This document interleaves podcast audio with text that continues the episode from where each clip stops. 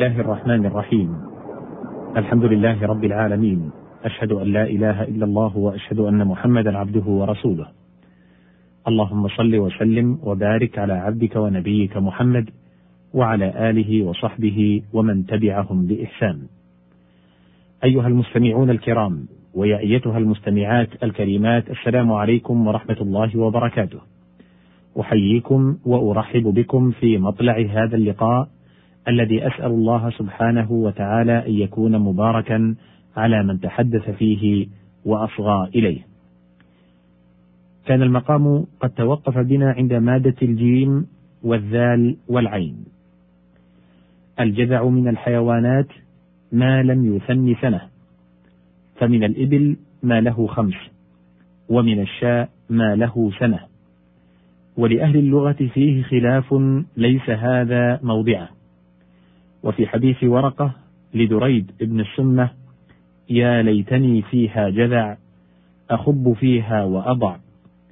أي في نبوة محمد صلى الله عليه وسلم. وفي حديث علي رضي الله عنه أسلمت وأنا جذعمة يريد جذعا فزاد ميما مبالغة نحو زرق للأزرق. ويقال للدهر جذع. تشبيها بالأحداث. توهموا فيه عدم عدم الهرم.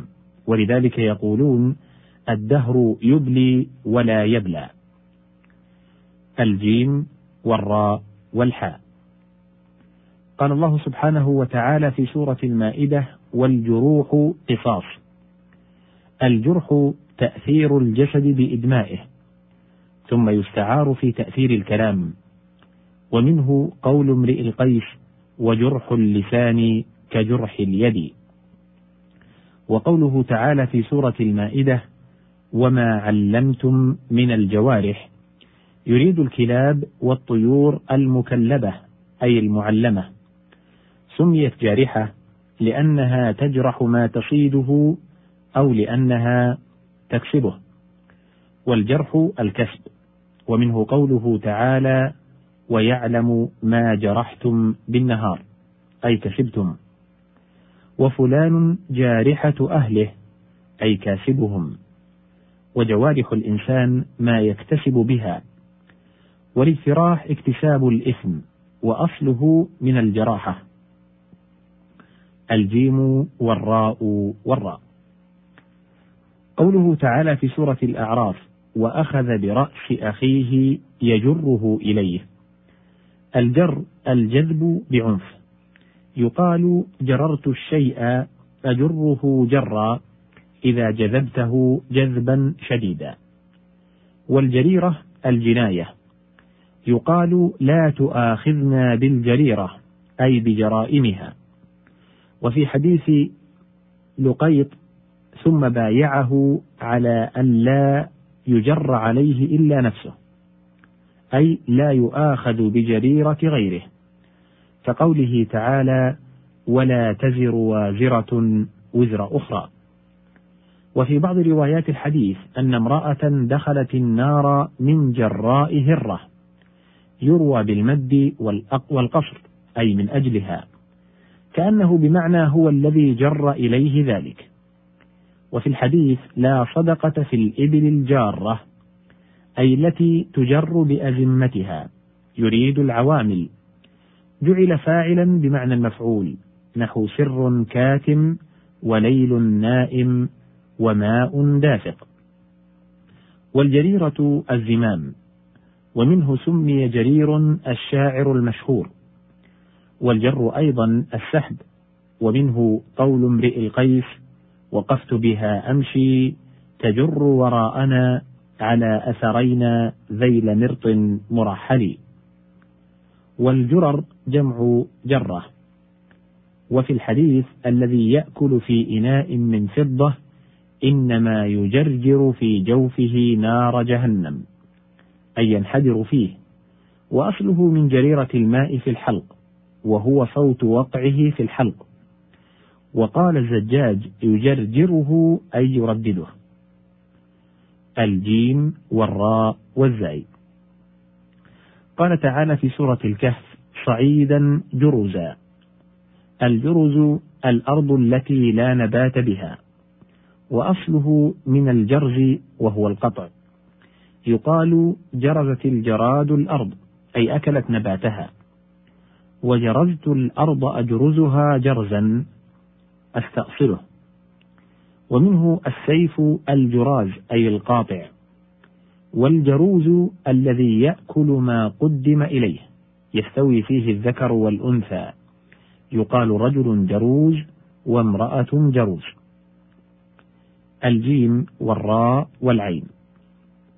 الجرع شرب الماء وجرعه شربه بتكلف وعليه يتجرعه ولا يكاد يسيغه يقال جرعت الماء أجرعه جرعا وتجرعته تجرعا. والجرعة قدر ما يجرع كالأكلة والغرفة قدر ما يغرف ويؤكل. والجرعاء أرض لا تنبت شيئا كأنها تتجرع البدر. قال الشاعر حمامة جرعى دومة الجندل اسجعي فأنت بمرأى من سعاد ومسمعي. ونوق مجاريع أي لم يبق من لبنها إلا قدر الجرع الجيم والراء والفاء. قوله تعالى في سورة التوبة شفا جرف. الجرف المكان الذي يأكله الماء من سيل وغيره فيجرفه أي يذهب به. ومنه اجترف الدهر ماله. وطاعون جارف من ذلك. وجرفت الشيء قشرته وكذلك جلفته. الجيم والراء والميم. قوله تعالى في سورة المائدة ولا يجرمنكم شنآن قوم أي لا يكسبنكم بغض قوم على الاعتداء وكذلك لا يجرمنكم شقاقي. أي لا يحملنكم خلافي وبغضي. ويقال جرم وأجرم. ومن الثاني فعلي إجرامي. وفلان جريمة أهله أي كاسبهم. واجترم بمعنى اكتسب. والجريمة ما يكتسبه الإنسان. وفي الحديث لا والذي أخرج العذق من الجريمة والنار من الوثيمة. قيل الجريمة النواة والوثيمة الحجارة المكسورة.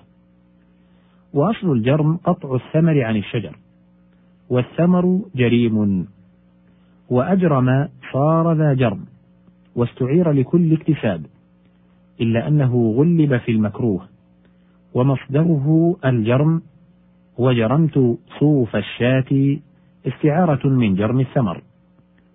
والجرم في الأصل اسم للشيء المجروم أي المقطوع وجعل اسما للجسم المجروم ثم أطلق على كل جسم ويطلق الجرم على الصوت في قولهم فلان حسن الجرم. قيل الجرم في الحقيقة إشارة إلى موضع الصوت لا إلى ذات الصوت ولكن لما كان المقصود بوصفه بالحسن فسر به كقولك فلان طيب الحلق إشارة إلى الصوت لا إلى الحلق نفسه. الجيم والراء والياء. الجري المر السريع وأصله في الماء أو ما يجري مجراه.